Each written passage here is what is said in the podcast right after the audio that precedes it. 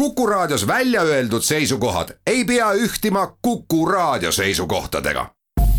Te kuulate Kuku Raadiot.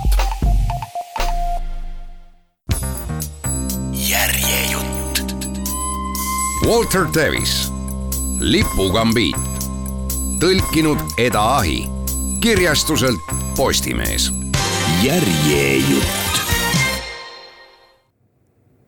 ema surmast kuulis Beth kirjamapiga naise käest. järgmisel päeval ilmus tüdruku pilt kohalikus ajalehes Herald Leader. pildil, mis tehti Maplewood Drive'il asuva halli maja verandal, kandis Beth seljas lihtsat puuvillast kleiti. juba toona oli ta silmnähtavalt ilmetu. foto allkirjas seisis eilse New Circle Roadi ahelavarii tagajärjel orvuks jäänud Elizabeth Harmon vaatab tumedasse tulevikku. kaheksa-aastane Elizabeth kaotas perekonna liiklusõnnetuses, mis tappis kaks inimest ja vigastas teisigi. sel ajal üksi kodus viibinud Elizabeth kuulis õnnetusest napilt enne pildistamist. võimude sõnul kantakse tüdruku eest kenasti hoolt Mount Sterlingis asuvas Methoni lastekodus anti Bethile kaks korda päevas rahustit. seda anti kõigile teistelegi lastele, et parandada nende meeleolu. Bethi meeleolul polnud pealtnäha suurt midagi viga, ent tal oli tillukese tableti üle siiski hea meel. tänu sellele andis kõhukramp järele ja Beth sai lastekodu pinevaid tunde tukastades mööda saata tablette jagas härra Ferguson lastele väikese pabertopsiga. ühes rohelise tabletiga, mis pidi tõstma tuju, anti neile ka oranže ja pruune, et tugevdada keha. tablettide saamiseks tuli seista järjekorras. kõige pikem oli mustanahaline tüdruk nimega Jolene. ta oli kaheteistaastane. teisel lastekodupäeval seisis Beth vitamiinisabas tema järel ja Jolene pööras ümber, et teda silmitseda. oled sa päriselt orb või niisama sohilapsest värdjas? Beth ei osanud selle peale midagi kosta. tal oli kabuhirm. Nad seisid järjekorra lõpus ja ta ei võinud lahkuda enne, kui nad jõudsid aknaluugini, mille tagant paistis härra Ferguson. Beth oli küll varem pealt kuulnud, kuidas ema isa värdjaks nimetas, aga ta ei teadnud, mida see tähendas mis su nimi on? küsis Jolene. Beth. ema surnud, jah, aga issi? Beth jõllitas tüdrukut. sõnad ema ja surnud tundusid täiesti talumatud. tal tuli tahtmine ära joosta, ent minna polnud kuskile. sinu vanemad, ütles Jolene häälega, milles kõlas justkui ka pisuke kaastunda noot. on nad surnud? Beth ei osanud selle peale midagi öelda ega teha. ta seisis hirmunult sabas ja ootas tablette. Te olete kõik ühed ahned mehjad. nii karjus poistetiiva Ralph. Beth kuulis pealt, sest oli parajasti raamatukogus, mille üks aken oli poistetiiva poole. imeja ei äratanud tema peas vähimatki kujutluspilti, pealegi kõlas sõna imelikult ometi teadis Beth selle kõla järgi, et poisi suud asutakse nüüd seebiga pesema. tema endaga oli nii tehtud sõna kurat kasutamise pärast. ja ema oli ju vahet pidamata kurat öelnud. juuksur käskis Bethil liikumatult istuda. kui liigutad, võid kõrvast ilma jääda. tema hääles polnud vähimatki lustakusnooti Beth istus nii tasakesi kui oskas ent täielikku liikumatust näis võimatu saavutada. juuksuril kulus hirmus kaua aega, et lõigata Bethile samasugune tukk nagu kõigil teistel. tüdruk püüdis ajaviiteks mõelda sõnale imeja.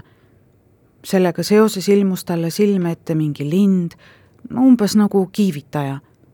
ent Beth aimas, et tõlgendus ei ole päris õige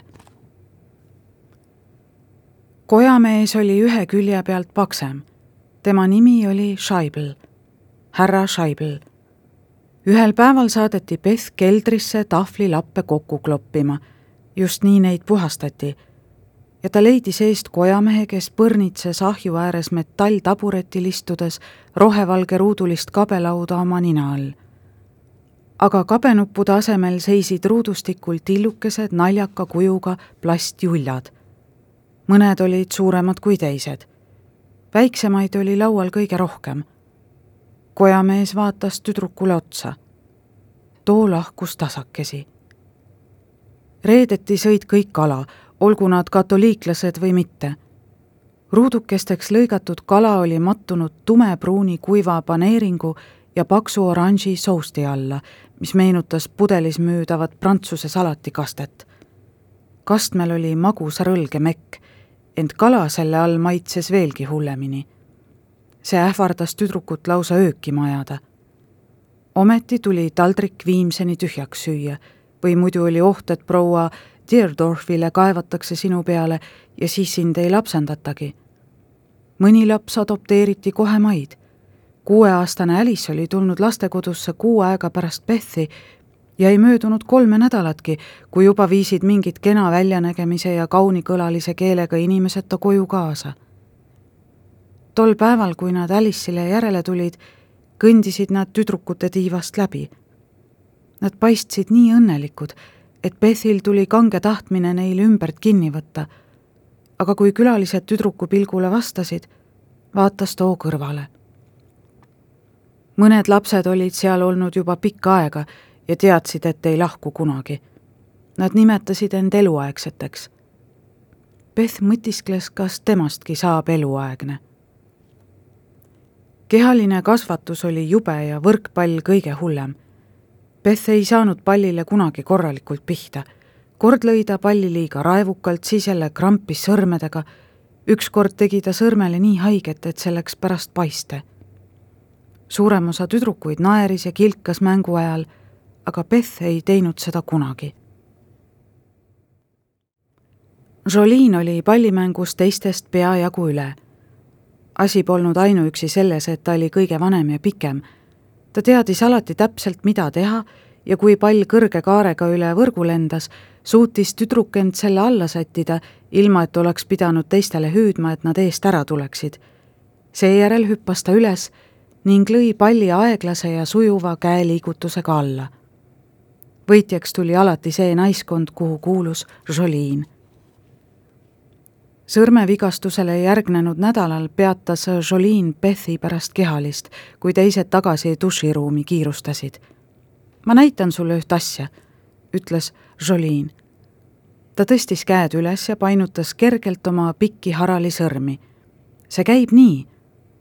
ta kõverdas küünarnukke ja lükkas käed sujuvalt üles, hoides kaussjates pihkudes kujuteldavat palli. proovi ka. Beth prooviski esialgu küll kohmakalt. Jolene näitas talle naerdes uuesti ette. Beth proovis veel paar korda ja saigi paremini hakkama. siis tõi Jolene palli ja Beth pidi selle sõrmeotstega kinni püüdma. mõne korraga muutus see lihtsaks. nüüd harjuta edasi, eks, ütles Jolene ja jooksis duši alla. Järgnenud nädala jooksul Beth harjutaski ja pärast seda ei olnud võrkpall talle enam sugugi vastumeelt. ta ei osanud seda küll silmapaistvalt hästi, aga enam polnud ka põhjust mängu karta. igal teisipäeval pärast aritmeetikatundi saatis Preili Graham Bethi tahvlilappe puhastama. seda peeti privileegiks ja kuigi Beth oli klassi noorim, oli ta ühtlasi parim õpilane. Kelder tüdrukule ei meeldinud seal lõhnas kopituse järele ja pealegi ajas härra Scheibel talle hirmu nahka. ometi tahtis tüdruk õppida paremini tundma mängu, mille kallal koristaja omaette aina pusis.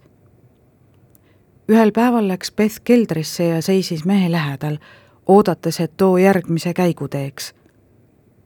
mees puudutas parasjagu tillukesel pjedestaalil seisvat hobuse peaga kujukest. Hetke pärast tõstis mees pilgu kulm ärritusest kortsus. mida sa minust ometi tahad, laps? küsis ta. mees põrnitses teda. sa peaksid koos teistega ülemisel korrusel olema. tüdruk põrnitses samamoodi vastu. miski selles mehes ja meelekindluses, millega ta seda salapärast mängu mängis, aitas tüdrukul endale kindlaks jääda. ma ei taha koos teistega olla, ütles ta. ma tahan teada, mis mängu te mängite. mees vaatas teda tähelepanelikumalt. siis kehitas ta õlgu. selle nimi on male härra Scheibeli ja ahju vahel kõlkus musta juhtme otsas alasti lambipirn.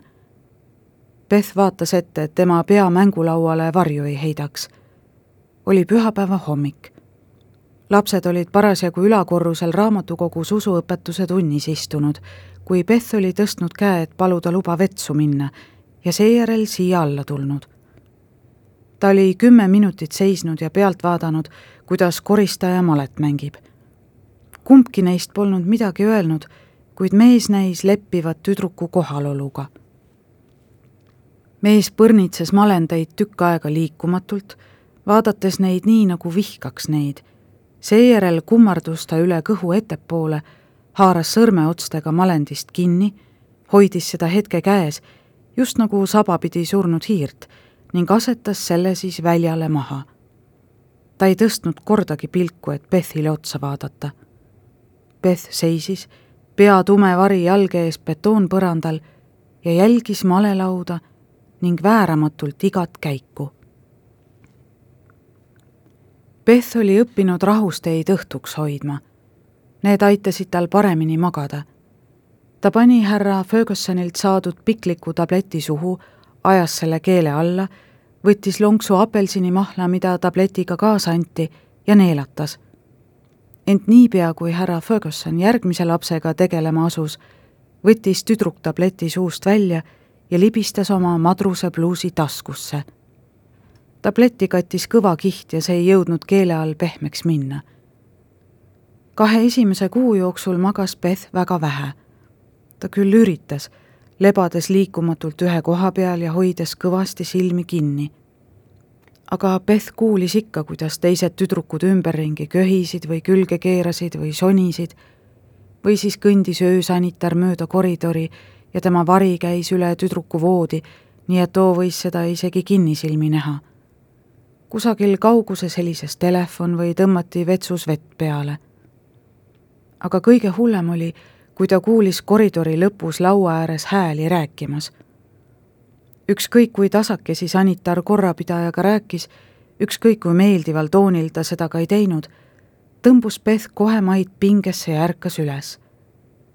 tüdruku kõhus hakkas keerama, suhu tõusis mõru maik ja uni ei tulnud enam kõne allagi. Nüüd keeras Beth voodis kerra ja lasi endal põnevusega täiel rinnal kogeda toda pinget kõhus, mis pidi peagi järele andma niiviisi üksipäini pimedas ootas ta, kuni rahutustunne jõudis tippu.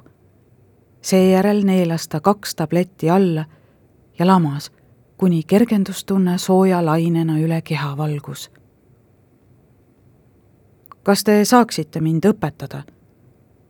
Härra Scheibel ei öelnud midagi. ta ei reageerinud küsimusele isegi mitte peanoogutusega kauged hääled ülemisel korrusel laulsid gospel-laulu Bringing in the sheaves. tüdruk ootas mitu minutit. sõnade kaal ähvardas hääle murda, ent ometi pressis ta need kõrist välja. ma tahan õppida malet mängima.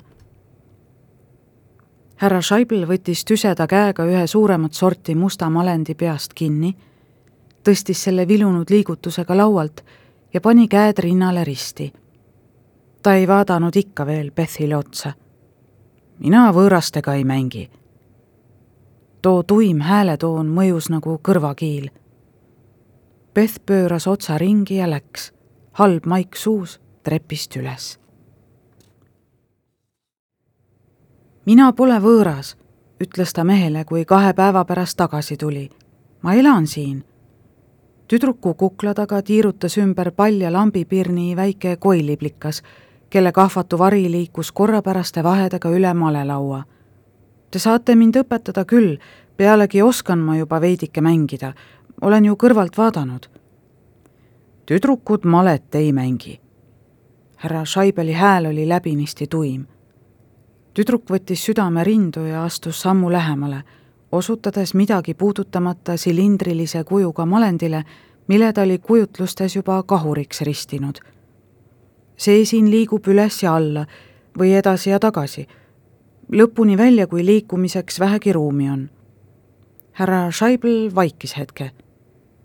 siis osutas ta nupule, mille pea meenutas lõhki lõigatud sidrunit. ja see? tüdruku süda rõkkas rõõmust. mööda diagonaale tablette sai koguda nii, et võtsid õhtul ainult ühe ja jätsid teise alles. Beth kogus ülejäägid hambaharja karpi, kuhu keegi kunagi ei vaadanud. tarvis oli lihtsalt hambahari pärast kasutamist majapidamispaberiga võimalikult hästi ära kuivatada või jätta see hoopistükkis kasutamata ja hõõruda hambad näpuga puhtaks. tol õhtul võttis Beth esimest korda üksteise järel kolm tabletti üle kukla käis meeldiv pakitsus. ta oli avastanud midagi tähtsat. lebades voodis, mis asus tüdrukute tiiva kõige kehvema koha peal, otse koridori ukse kõrval ja vannitoast kaugel, lasi sinise luitunud pidžaamaga tüdruk kumal üle kogu keha valguda. miski tema elus oli leidnud lahenduse.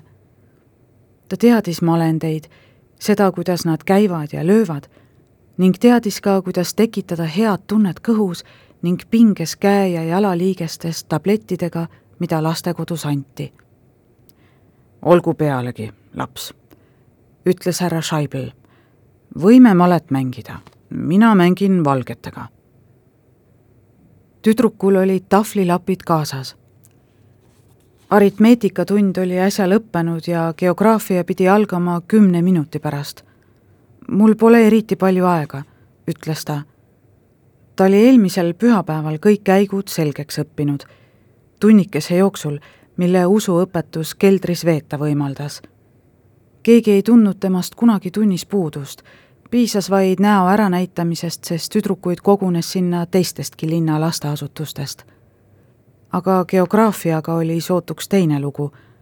kuigi Beth oli õppeedukuse poolest klassi esirinnas, kartis ta härra Shelli hirmsal kombel. kojamehe hääles kõlas tuimus. nüüd või mitte kunagi, ütles ta. mul on ju geograafiatund. nüüd või mitte kunagi. tüdruk mõtles enne otsustamist hetke järele.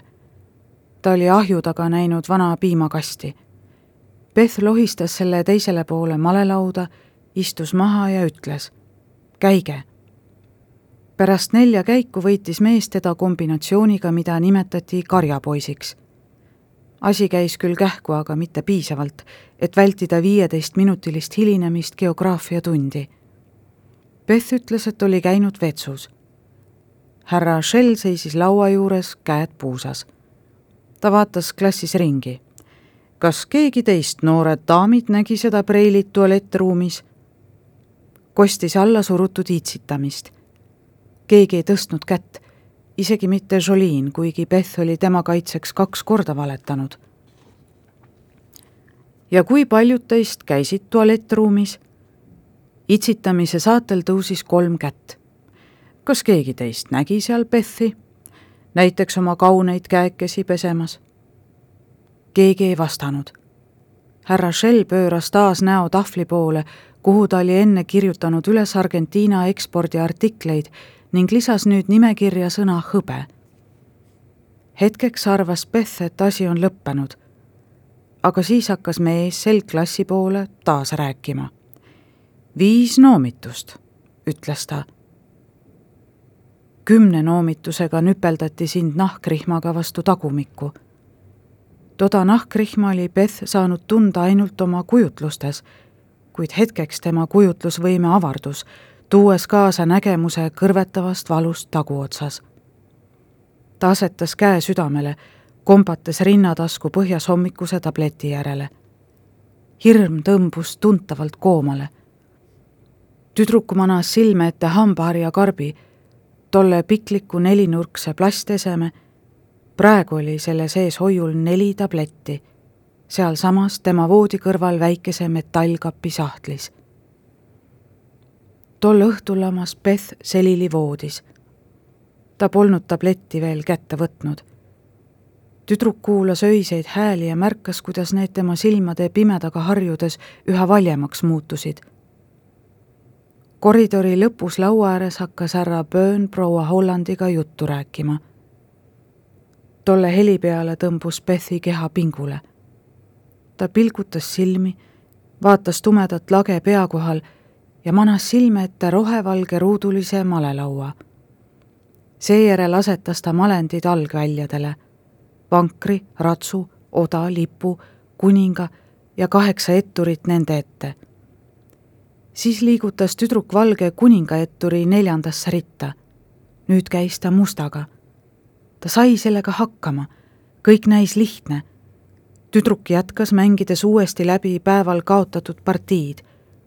Ta liigutas härra Scheibeli ratsu kolmandasse ritta vigur seisis tema meelepildis selgena tüdrukute tiiva laes rohevalge ruudulisel malelaual. hääled olid juba sumbunud vaevu märgatavaks harmooniliseks taustasuminaks. Beth lebas õnnelikuna voodis ja mängis malet.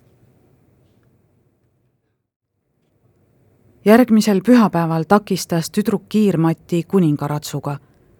Ta oli partiid mõttes sada korda uuesti läbi mänginud kuni viha ja alandus lahtusid ning tüdruku öises nägemuses kangastus selgelt malelaud ühes malenditega. kui tüdruk pühapäeval härra Scheibeliga mängima tuli, oli plaan viimseni läbi mõeldud ja ta käis ratsuga just nii nagu unes. talle meeldis väga malendi kuju, miniatuurne hobuse pea käe all. kui tüdruk ratsu väljale asetas, jäi koristaja seda vahtima ta võttis lipu otsast kinni ja tulistas käiguga Bethi kuningat. ent sellekski oli Beth juba valmis. ta oli seisu eelmisel õhtul voodis lebades näinud. mehel kulus neliteist käiku, et tüdruku lipp lüüa.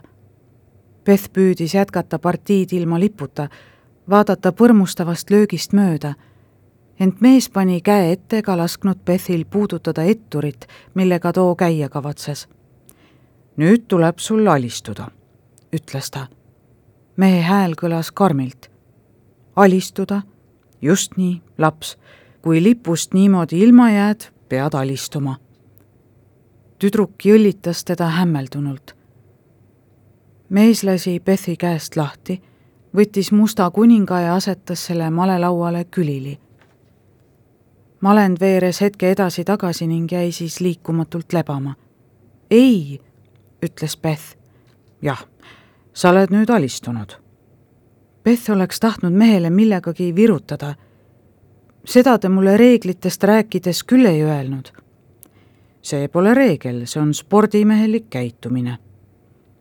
nüüd sai tüdruk aru, mida mees mõtles, ent see ei meeldinud talle põrmugi. ma tahan lõpuni mängida, ütles ta tüdruk korjas kuninga üles ja asetas selle tagasi oma kohale ei, te peate lõpuni mängima, ütles Beth.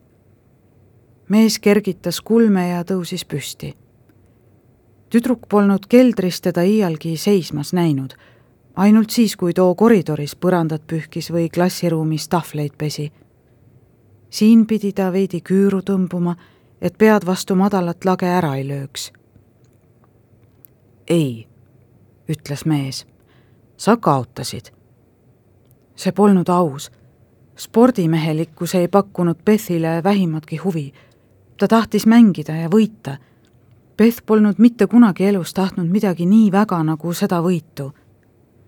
ta lausus sõna, mida polnud alates ema surmast kordagi kasutanud. palun. partii on läbi, ütles mees.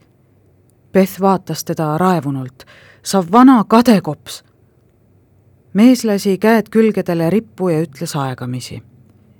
ei mingit male enam, kasi minema.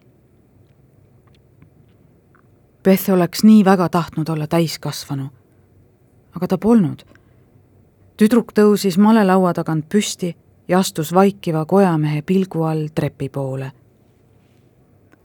Kui Beth teisipäeval tahvlilappidega koridori lõppu keldriukse juurde läks, oli see suletud ta püüdis seda kaks korda puusaga lahti suruda, ent uks ei liikunud karvavõrdki. tüdruk koputas, esialgu tasakesi, seejärel juba valjusti, aga teiselt poolt ei kostnud mingit häält. see oli õudne. Beth teadis, et mees istub sealsamas malelaua ääres, et ta on tüdruku peale veel eelmisest korrast vihane, ent ei saanud sinna midagi parata. kui ta tahvlilappidega tagasi klassiruumi läks, ei pannud Preili Graham tähelegi, et neid polnud puhastatud, nagu ka seda, et Beth tavapärasest varem tagasi jõudis. neljapäeval oli Beth kindel, et kõik läheb samamoodi, aga ei läinud. uks oli lahti ja kui ta trepist alla jõudis, käitus härra Scheibel nii, nagu poleks midagi juhtunud. Malendid seisid juba laual. tüdruk puhastas tahvlilapid kiiruga ära ja istus laua taha selleks ajaks, kui Beth kohale jõudis, oli härra Scheibel kuningaetturiga käinud. tüdruk käis nüüd oma kuningaetturiga, liigutades seda kahe ruudu võrra edasi. seekord ei kavatsenud ta teha ühtegi viga. mees tegi seepeale kiiresti oma käigu, tüdruk vastas kohe samaga. Nad ei öelnud teineteisele midagi, aga jätkasid mängu Bethi valdas tuntav pinge ja see meeldis talle. kahekümnendal käigul liigutas härra Scheibel eksikombel ratsut ja Bethil õnnestus käia üks etturitest kuuendasse ritta. nüüd tõi mees ratsu tagasi. niisiis oli mees käigu raisanud. Beth rõõmustas, kui seda pealt nägi. tüdruk vahetas oda ratsu vastu. Järgmisena käis Beth jälle etturiga. järgmisel käigul pidi sellest saama lipp mees vaatas toimuvat pealt, sirutas siis vihaselt käe ja lükkas kuninga ümber. kumbki neist ei öelnud sõnagi. see oli Bethi esimene võit. kogu pinge oli kadunud ja tunne, mis Bethi sisemuses pakitses, oli imelisem kui miski muu, mida ta elu jooksul tundnud oli. Beth taipas, et saab pühapäeviti täiesti märkamatult lõunalt puududa nii sai ta veeta kolm tundi härra Scheibeli seltsis, kuni too kell pool kolm koju läks. kumbki neist ei rääkinud midagi. mees mängis alati valgete malenditega ja tegi esimese käigu, tüdruk mustadega. Beth oli küll kaalunud küsimuse tõstatada, ent otsustas asja sinnapaika jätta. Ühel pühapäeval pärast hädavaevu võidetud partiid ütles mees sa peaksid Sitsiilia kaitse ära õppima. mis see veel on? küsis Beth ärritunult. ta oli endiselt kaotuse pärast pahane. Bethil ei õnnestunud meest nädala jooksul kaks korda võita. kui valge käib lipuetturi neljandasse ritta, vastab must nii. Mees sirutas käe välja ja nihutas valge etturi kaks välja edasi. see oligi peaaegu alati tema esimene käik siis võttis Scheibel musta lipuoda eest etturi ja käis kahe välja võrra malelaua keskosa poole. ta polnud tüdrukule varem midagi sellist näidanud. ja edasi, küsis Beth. Mees võttis kuningaratsu ja asetas selle etturist ette paremale poole. ratsu F kolm. mis asi on F kolm? see väli, kuhu ma just äsja ratsu liigutasin. kas väljadel on nimed? mees noogutas osavõtmatult. tüdruk tajus, et härra Scheibelile on selle napigi teabe jagamine vastukarva. kui hästi mängida, siis küll. Tüdruk nõjatus ettepoole. näidake mulle. Scheibel vaatas talle otsa. ei, mitte praegu. see ajas Bethi marru ta sai suurepäraselt aru, et igaühel on oma saladused, neid oli tal endalgi. sellest hoolimata tekkis tal tahtmine kummarduda malelaua kohale, mehele näkku virutada ja sundida teda kõike ära rääkima. ta tõmbas sügavalt hinge. Kas see ongi Sitsiilia kaitse? härra Scheibel näis tundvat kergendust, et Beth oli väljade nimed sinnapaika jätnud. see pole veel kõik, ütles ta mees jätkas, näidates Bethile avangu põhikäike ja mõningaid variante. kuid väljade nimesid ta seejuures ei maininud. ta näitas tüdrukule Löwenfishi varianti ja Naidorfi varianti, käskides neid siis järele korrata. Seda Beth ilma ainsagi veata ka tegi. aga kui nad seejärel päriselt mängima asusid, käis mees lipuetturiga ja tüdruk nägi kohe, et selles olukorras pole äsjasest õppetunnist põrmugi kasu. Beth põrnitses meest üle malelaua, mõeldes, et kui tal oleks nuga, võiks ta härra Scheibelit pussitada. siis suunas tüdruk pilgu taas malelauale ja käis omaenda lipuetturiga silme ees kindel siht mees seljatada. härra Scheibel käis lipuetturi kõrvale oda ette paigutatud etturiga. ka seda tegi ta tihti. kas see pole mitte ka samasugune värk nagu Sitsiilia kaitse, küsis ta. Need on avangud mees ei vaadanud Bethi poole, ta pilk püsis malelaual. on siis või?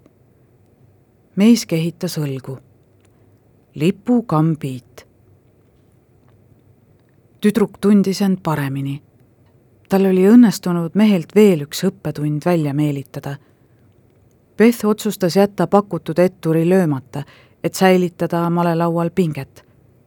tüdrukule meeldis niimoodi mängida talle meeldis malendite vägi, mida sai pikki liine ja diagonaale kehtestada.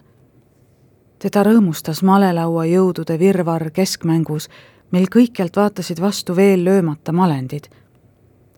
Beth tõi lagedale kuningaratsu ja tunnetas, kuidas malendi jõud partiis realiseerus. kahekümne käiguga oli Beth löönud mehe mõlemad vankrid ja härra Scheibel andis alla Beth keeras end voodis külili, pani pea padja alla, et katta koridori ukse alt paistvat valgust ja asus mõlgutama, kuidas kasutada oda ja vankrit üheskoos nii, et kuningale ootamatult tuld anda. kui käia odaga, jääks kuningas tulle ja oda saaks vabalt käia kuhu tahes, kas või lippu lüüa. ta lamas niimoodi tükk aega, sepitsedes elevusega võimsat rünnakut seejärel võttis ta padja näolt, keeras end selili, manas lakke malelaua ja mängis ükshaaval läbi kõik härra Scheibeliga mängitud partiid. Beth nägi kaht momenti, kus oleks võinud tekitada vankri ja odaga seisu, mille ta äsja välja mõelnud oli. ühes neist võinuks tüdruk selle forsseerida topeltähvarduse abil, teises aga hiilimisi. ta mängis need kaks partiid mõttesuute käikudega läbi ja võitis mõlemad. Beth naeratas õndsalt ja jäi magama. Aritmeetikaõpetaja andis tahvlilappide puhastamise ülesande teisele õpilasele, öeldes, et Beth vajab puhkust. see polnud aus, sest Bethil olid aritmeetikas endiselt laitmatud hinded, kuid polnud ka midagi parata samal ajal kui väike punapäine poiss iga päev ruumist tahvlilappidega lahkus, istus tüdruk klassis ja kirjutas vihikusse väriseva käega mõttetuid liitmis- ja lahutamistehteid. Iga päevaga tahtis ta üha meeleheitlikumalt malet mängida. teisi ja kolmapäeval võttis Beth ainult ühe tableti, jättes teise alles. neljapäeval õnnestus tal pärast seda, kui ta oli mõttes nii tund aega malet mänginud, magama jääda. sama tegi ta reedel. kogu laupäeva jooksul söökla köögis abistades, pärastlõunal kristliku filmi ja arenguvestluse ajal võis Beth manada suvalisel hetkel esile sooja surina, sest teadis, et hambaharjakarbis ootab teda kuus tabletti. kui õhtul tuled kustutati, võttis Beth tabletid kõik ükshaaval sisse ja ootas. peagi võttis maad tohutult hõrk olemine. Bethi kõhtu tekkis kerge ja meeldiv tunne, mis lõdvestas pinges kehaosi. ta püsis ärkvel nii kaua, kui suutis, et nautida seda sisemist soojust, päratud keemilist õnne. kui härra Scheibel pühapäeval küsis, kuhu tüdruk kadunud oli, imestas Beth, et see talle üldse huvi pakkus. mind ei lastud klassiruumist tulema, vastas ta. mees noogutas malelaud oli valmis seatud ja oma üllatuseks märkas Beth, et valged malendid seisid tema poolel ning piimakast oli juba oma kohale asetatud. Kas mina käin esimesena? küsis ta umbusklikult. jah, nüüdsest peale teeme kordamööda, nii seda mängu ju mängitaksegi. tüdruk istus maha ja käis kuninga etturiga. ilma sõnagi lausumata käis härra Scheibel kuninga odaetturiga. Beth polnud käike ära unustanud. ta ei unustanud iial ühtki käiku mees mängis Löwenfishi varianti.